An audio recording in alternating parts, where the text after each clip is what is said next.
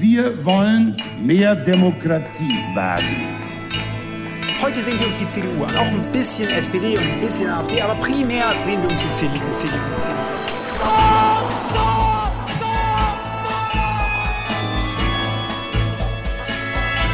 Niemand hat die Absicht, eine Mauer zu errichten.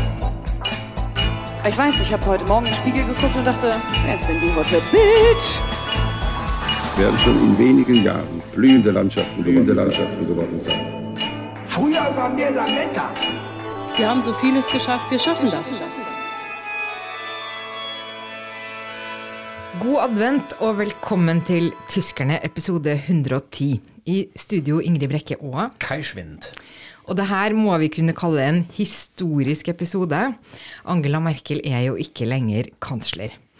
Olaf Scholz kan endelig regjere, og dette må vi tenke litt rundt. Men det blir også førjulskos. Kai skal nemlig snakke om fenomenet brettspill. Men først, altså. Vil du savne Angela Merkel? Godt spørsmål. Altså, jeg er kanskje litt påvirket av alle disse avskjedsseremoniene og all en sånn nostalgisk hyllest som vi har opplevd i, i de siste dagene. Så jeg blir jo litt rørt her og der. Men, men jeg må si jeg blir glad for to sånne hendelser, hvis vi kan kalle det, som, som jeg syns var litt sånn fine reality checks. Det første var en melding jeg fikk av en amerikansk venn som hadde sett på denne tappenstrek-seremonien, eh, hvor Angela Merkel altså får denne militæriske æren hyllest, eh, og det er en sånn militær parade foran henne, hvor han spør 'What's with the Nazi parade?' som hun må sitte gjennom eh, med fakler og helmer og sånn, hvor jeg tenkte ja, dette er jo en ganske sånn tilbake tilbakevendt, tradisjonell ramme som går tilbake til gamle Prøysen eh, og sånn. Eh, Enda eldre, tror jeg faktisk. Ja, ikke sant. Uh, hun hadde jo valgt veldig kule låter, det må man jo si. altså Hildegard Knef og Nina Hagen, det var jo veldig fint. Men det var bra å påpeke det. Og det andre var en kronikk som forfatteren Margarete Stokowski hadde i Der Spiegel, mm. hvor hun undrer over hva av det med venstresiden som plutselig har nå blitt så glad i Angela Merkel i disse siste dagene, hvor hun da ble hyllet som feminist og miljøaktivist. og flyktningshjelper i Europa og sånn. Og hva har skjedd med alle de kritiske spørsmålene eh, rundt det? Fordi hun representerer jo også, og så går hun gjennom flere poeng en stor stagnasjon, og vi sitter med den arven. Så jeg er jo litt enig i det der. Jeg har jo aldri selv stemt på partiet til Angela Merkel, så jeg syns det var litt fint å få det men jeg er selvfølgelig litt vemodig. Eh, det var en kommentator som sa at tyskerne er ikke glad i forandring, og det er jo litt sant for meg òg. Man blir jo automatisk litt usikker. Hva skal hun være borte nå? Hva skal skje? Hjelp! Så jeg har jo litt det òg, men samtidig gleder jeg meg nå til den nye tiden. Til den nye regjeringen. Dette er jo en ganske forhåpentligvis kul gjeng med denne vekselstemningen i ryggen, eh, som alle føler, og jeg òg. Så jeg er veldig spent på den nye tiden tiden enn du, Ingrid? Jo, nei, jeg er jo også på en måte todelt. Altså, på den ene sida så syns jeg jo denne prosessen har nå vart i tre år, fra hun liksom sa at hun ikke ville være partileder og ikke stille til valg igjen som kansler. Så det er jo en slags, eh, hva skal man si, journalistisk befrielse at det endelig går videre inn i, i fremtida. Så tenkte jeg skulle bare nevne en, en, ganske morsom artikkel i ditt site for å oppsummere litt eh, Merkels eh, tid. De har da eh, samla en del tall som eh, beskriver hennes epoke, eller som illustrerer hennes epoke, kan man heller si. Yeah. Og det, hun har jo sittet i 16 år, og det er født 11 millioner babyer. Alle Angela Merkel. Mm -hmm. og, men seks av dem heter faktisk Angela Merkel. da.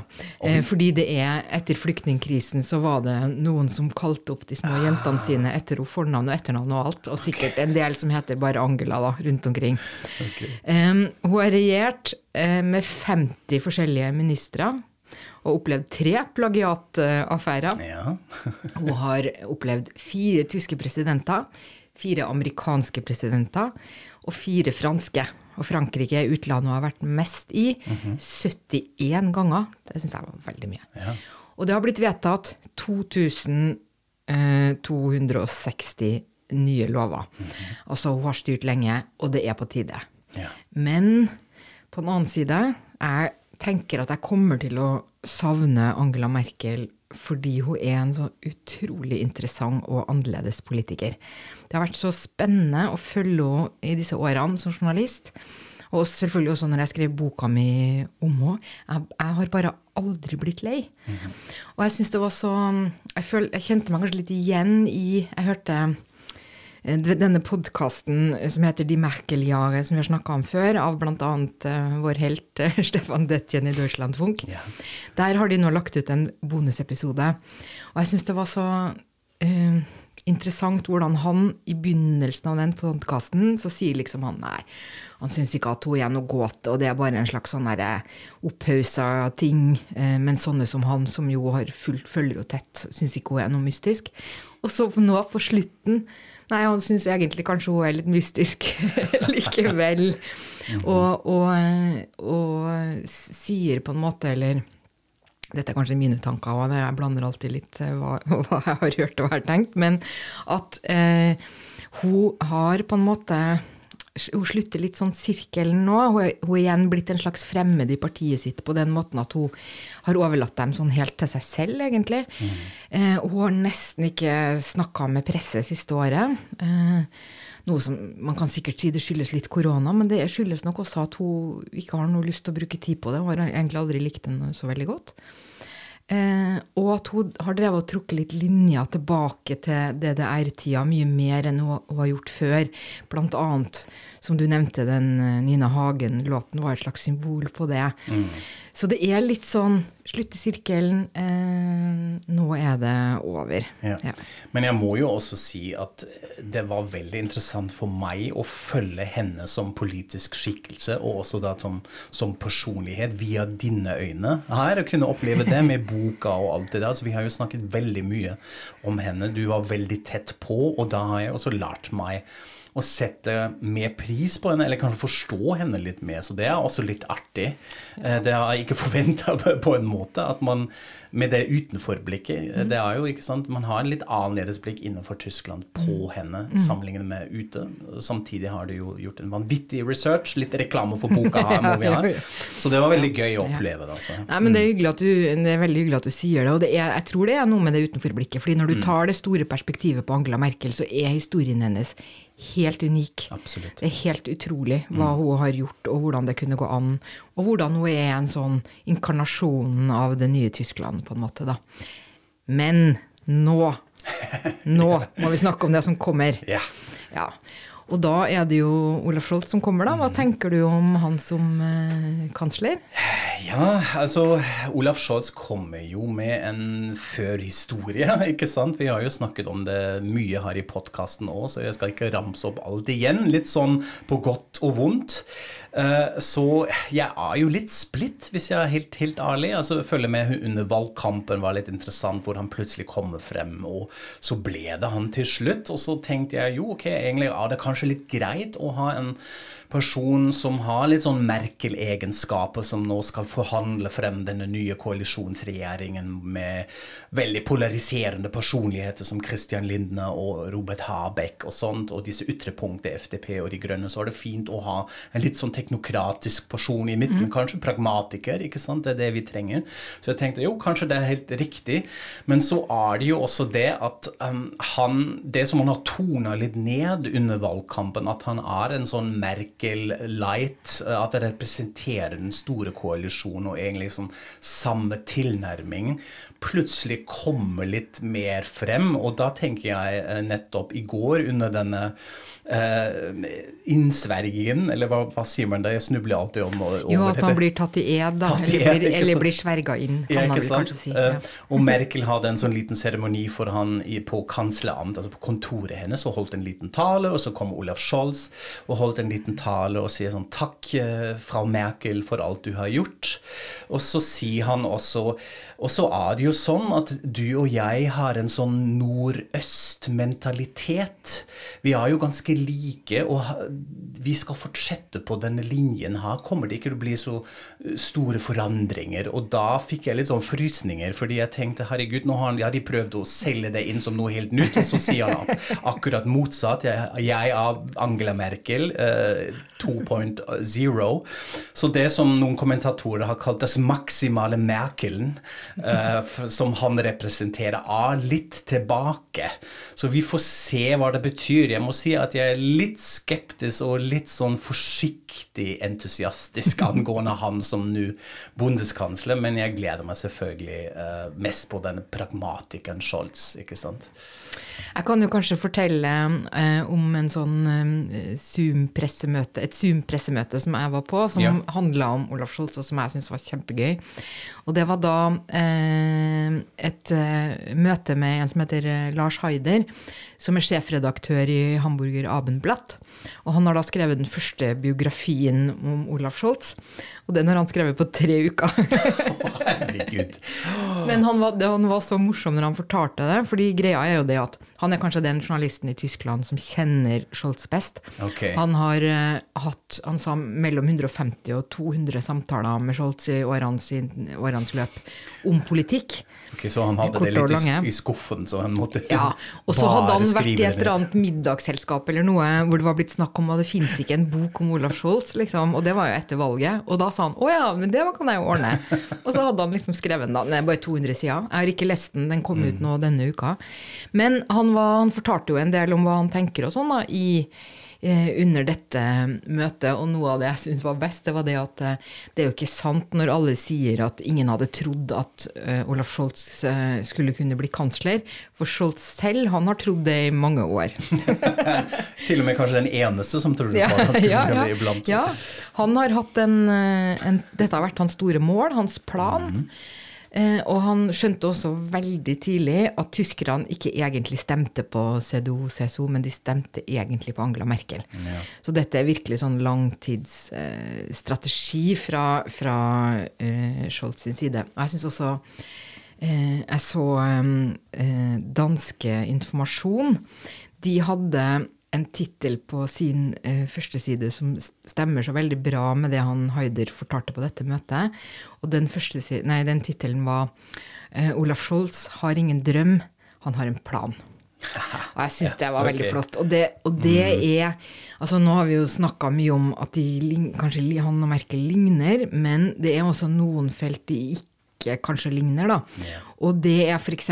det at Merkel mer håndterer ting som kommer flytende forbi, mens Scholz han har Han liker å legge en plan, følge den planen og få til sånne uh, løsninger. Eh, og han liker også å ta avgjørelser. Ja. Og det har man jo ofte sagt om Merkel at hun ikke liker. Jeg vet ikke helt hva som er sant og hva som er myte der, men i hvert fall så skal Scholz være mye mer sånn eh, effektiv sånn og sånn og sånn, og skjære gjennom. Ja, og så skal vi se hvordan dette fungerer i det føderale systemet Tyskland. ikke sant? Fordi det er jo én ting å være borgermester i Hamburg, og sånt, Ja. men så må du håndtere alle de delstatene. Det er noe annet, så det blir spennende. Men det er fint med den holdningen. Jeg er helt med. Ja, pragmatikken. Ja. Ja. Og så noe annet, eh, eh, det er kanskje eh, de siste poengene fra han Haider da, som jeg har lyst til å referere, det er jo det at han sa at Scholz var en teamplayer hvis laget hans eh, spiller etter hans regler. så det er jo fint å vite. Ja. Um, og så er det også en sånn eh, som, jeg fikk, som fikk meg som journalist til å grøsse, nemlig at Scholz han svarer aldri på det han blir spurt om. Han svarer alltid på det han syns han burde blitt spurt om, eller det han har lyst til å si. Så selv med denne Haider, da, som har snakka med han så utrolig mye, så det er bare å glemme, sa han. Du får ikke svar på det du spør om, du får bare vite det Scholz har lyst til å si. Eh, og så eh, til slutt kan man jo eh, kanskje gi en sånn liten personlig detalj, fordi det var jo det vi journalister spurte han Haider om under dette møtet. Det men hvordan er Scholz som menneske? ikke sant? Fortell oss noe om han som, som person og sånn. Så sier han at eh, nei, det er, det er ikke så mye å si, for det du ser er det du får. Han står opp klokka seks og legger seg vet ikke, ti eller tolv eller noe, og innimellom der driver han bare med politikk. Og det har han gjort i mange år. Og han er gift med en, en politiker eh, som heter Britta Ernst, og er utdanningsminister i, i eh, Brandenburg. Eh, så de snakker også, og hun er visstnok hans nærmeste rådgiver. Sånn at eh, han sier han trener og, og leser bøker og sånn, og, og det gjør han. Eh, og bøkene han leser handler nesten bare om politikk. Så sånn er han. Eh, han er kjent som en såkalt aktenfresse, altså en som bare sluker sakspapirer og er veldig godt forberedt, og alle detaljer kan han og sånn. Og så har han én kanskje litt sånn um, svakhet, en, en, som er et problem for han, og det er at han av natur er veldig sjenert. Så det sa Haider at han har vært på sånne sammenkomster selv da Olaf Scholz var borgermester, hvor han står helt alene, fordi at han er for stor autoritet til at folk tør å gå bort til han og liksom slå av en prat, og selv så får han det ikke til. Så da blir han stående sånn, ja, stakkar. Men så har han kompensert veldig, eh, både ved valg av kone, og også han som er hans aller nærmeste medarbeider. Eh, Wolfgang Schmidt, vel? Skal vi Ja. nå finner jeg ikke igjen navnet, Ja, men Wolfgang Schmidt, mm. som er blitt uh, sjef for kansleramt. Og de to er helt sånn motsatser til, til Scholz. De er sånn eh, veldig sosiale, store nettverk, holder på, liksom. Sånn at han, han, har kompens, han kompenserer uh, gjennom Ja. dem. Og det er jo litt, litt interessant å ha disse mentalitetsforskjellene i den store koalisjonen. ikke sant? Altså Med den nesten, skal vi kalle han for sjenerte bondeskansleren, som må da håndtere disse litt mer flamboyante skikkelser som Christian Lindne eller Robert Habeck, som også prøver jo å innføre en annen type politisk kommunikasjon, kanskje. ikke sant? Altså Hvis vi har nå tegnet bilde av Olaf Scholz som Merkel 2 og litt sånn teknokratisk språk også, så har jo Robert Habeck han er filosof og har en annen sånn politisk retorikk, så det blir jo en, kanskje en fin blanding, at de utbalanserer hverandre, rett og slett. Men uh, det er interessant hva, hva du sier. Jeg syns man kunne se disse mentalitetsforskjellene også i går, da den nye regjeringen ble tatt i eid. Um, og så klipper de bort på tribunen, og så så man Gerhard Schrøder sittende da med sin nye kone, og jeg tenkte på ja, herregud, tenk på Schrøder, og hvordan han var, som også en sosialdemokratisk bondeskansler. En helt annet alfamel, barsk, litt sånn brakial politiker. Helt til slutt, eh, egentlig. Og så ser man Olaf Scholz som da sier svaret på spørsmålet veldig nøktern og ydmyk eh, osv. Da ser man allerede at det er en annen tone da, en sånn annen temperatur i den Kanskje en annen tid. Altså, ja, ikke sant? ja. Han representerer jo det, så det, det mener jeg som noe positivt. Abs Mm. eh, Absolutt. Kan jeg fortelle min favorittanekdote fra denne dagen i, i Ja. går? Apropos ny tid, dette syns jeg var så gøy. Altså, man har jo en litt sånn ja, litt sånn corny prosedyre, eh, hvordan dette fungerer. Altså Først ble Olaf Scholz som nybundskansler valgt av de medlemmene i parlamentet. ikke sant? Det er en seremoni i forbundsdagen. Han fikk 395 stemmer, så bra. Så drar han til Schloss Bellevue, hvor bondespresidenten Frank-Walter Steinmeier holder til, for å få sitt papir, ikke sant? Ja, må selvfølgelig ha et papir. Selvfølgelig. Vi har i, Tyskland. Så han kjører dit med kortesjen sin. Så drar de tilbake til forbundsdagen. Så blir resten av regjeringen tatt i aid. Eh, gratulerer, så fint. Så må alle de kjøre tilbake til Slåss Bellevue for å få sine papirer. Og de drar med de store, svarte bilene sine. Bortsett fra én, nemlig vår favoritt, den nye landbruksministeren Cem Özdemir fra De Grønne. Han sykler. Han tar sykkelen sin, kjører opp til Slåss Bellevue, parkerer den ved siden av den store trappen, og går opp og, og får papirene sine da. Med hjelmen på. Med Ja, hvert fall, han tok vel av seg hjelmen i døra, da. Etter hvert, men han ja. sykla med hjem, selvfølgelig. Så Ja. hvis ikke det representerer det grønne skiftet i tysk politikk, så vet ikke jeg. Ja, og han er jo også vegetarianer, og det kan jo også bli interessant. En, vegetar, en, en eh, landbruksminister som er vegetarianer. Ikke sant? Men eh, før vi forlater den nye regjeringa helt, så tenkte jeg vi må også snakke litt om den nye innenriksministeren. Og det er rett og slett fordi inn- innenriksministerposten det er en av de virkelig tyngste eh, i regjeringa. Eh, det er jo eh, den personen som har ansvar for det man kaller indre sikkerhet, altså bl.a. Eh, politi. Eh, og em, her ble veldig mange overraska.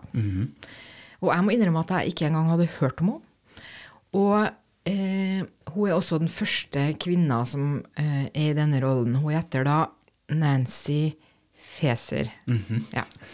Men du, Kai, du kjenner litt til henne, for hun kommer fra din delstat Hessen. Ja, det gjør jeg. Jeg kjente henne faktisk. Jeg ble også overrasket. Eh, Jeg visste ikke at hun var en så profilert politiker på bondesnivå, men eh, jeg kjenner henne. Hun har vært medlem av delstatsparlamentet i Hessen, styrte Hessen SPD, Sosialdemokratene, siden 2019.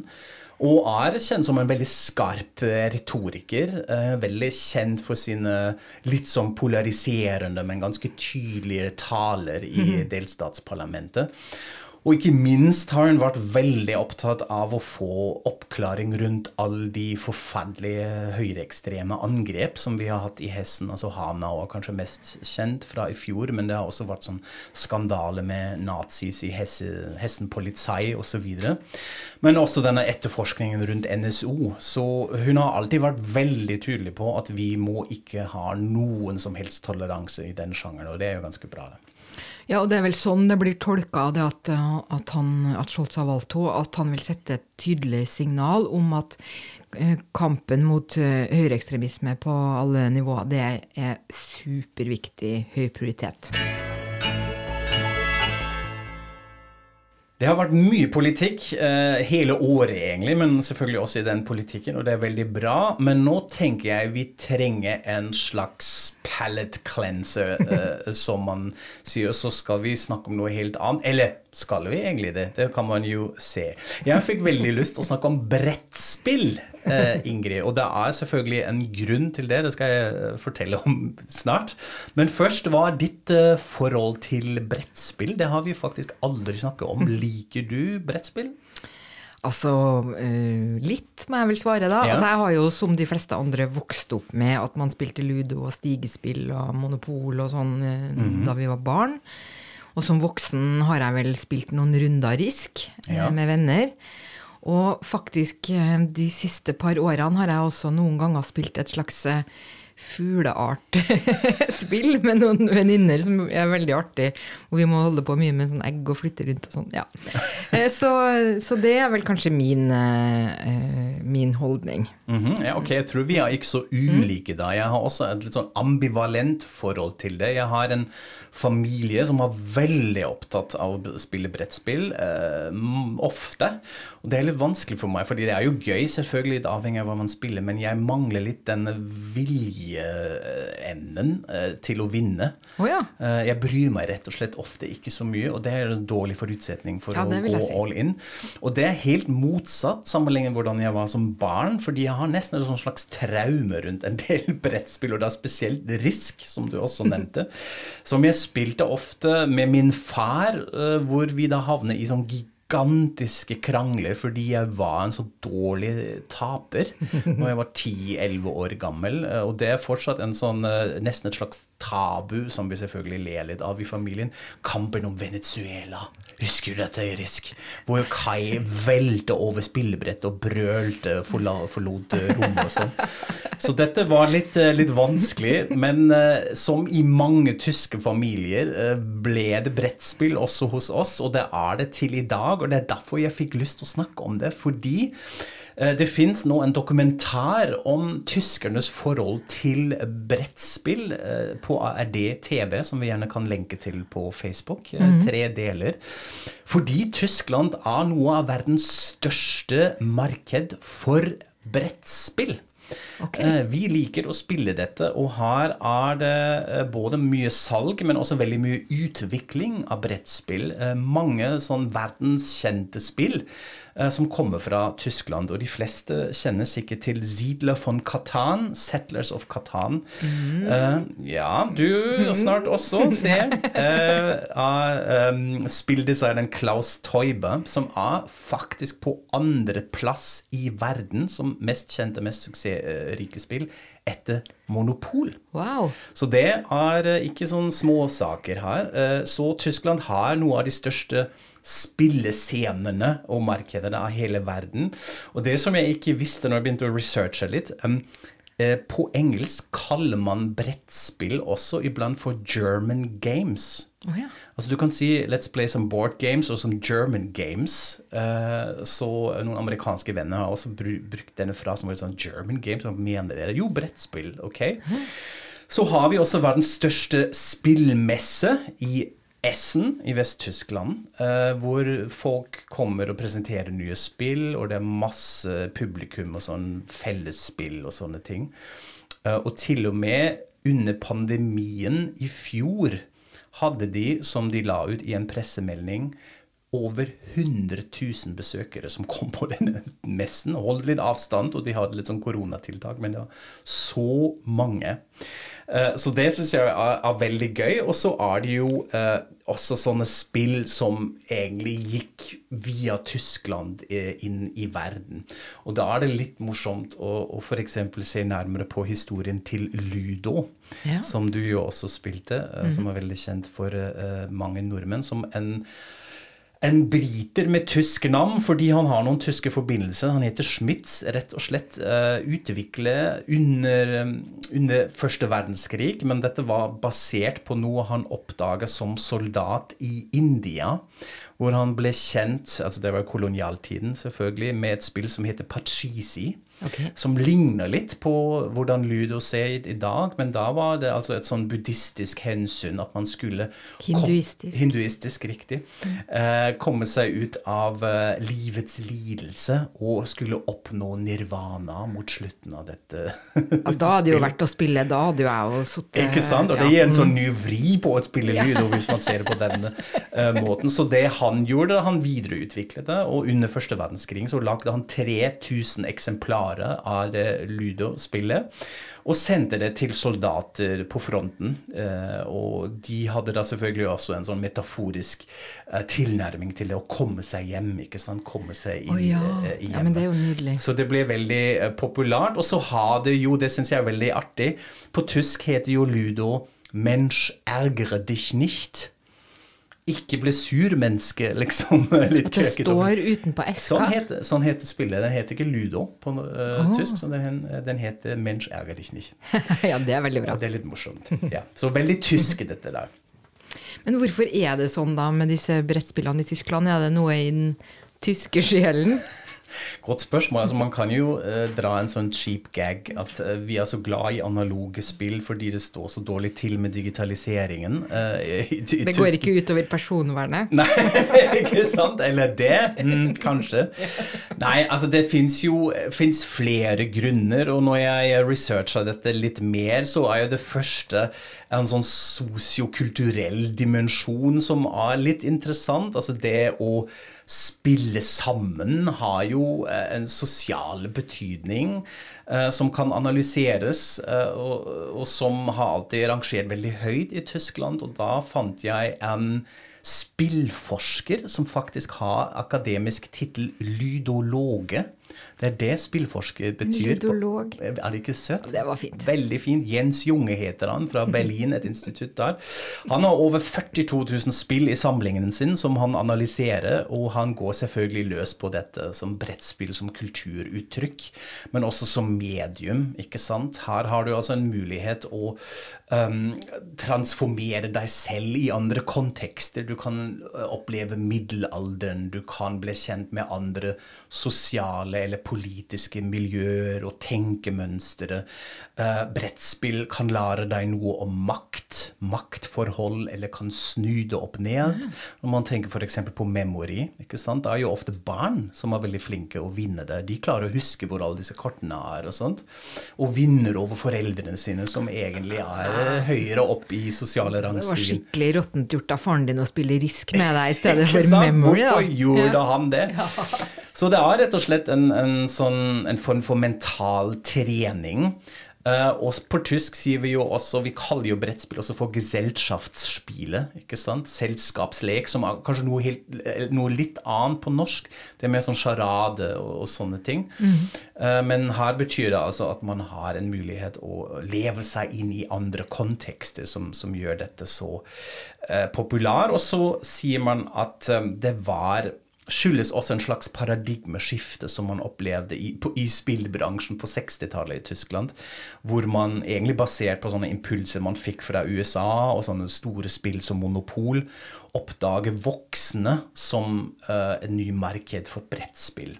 Altså ikke bare som barneleke, barnebrettspill, men at man lagde litt mer sofistikerte, litt mer avanserte spill som går løs nettopp på alle de tingene jeg var borti. jeg har jo også fått med meg at nå er det f.eks. veldig trendy med sånne forskjellige krimspill og sånn. Ja, ja, absolutt. For voksne. Ja. Så det er vel samme, en videreføring av den samme En videreføring av det der, eh, og da vokser jo markedet. ikke sant? Da blir det veldig stort. Og man har også hatt spill Man har hatt mye sånn medial kommunikasjon rundt brettspill. Det finnes et, mange store sånn faglige tidsskrifter. Uh, Spilboks er veldig kjent, den husker jeg fra kiosken at de, det står der.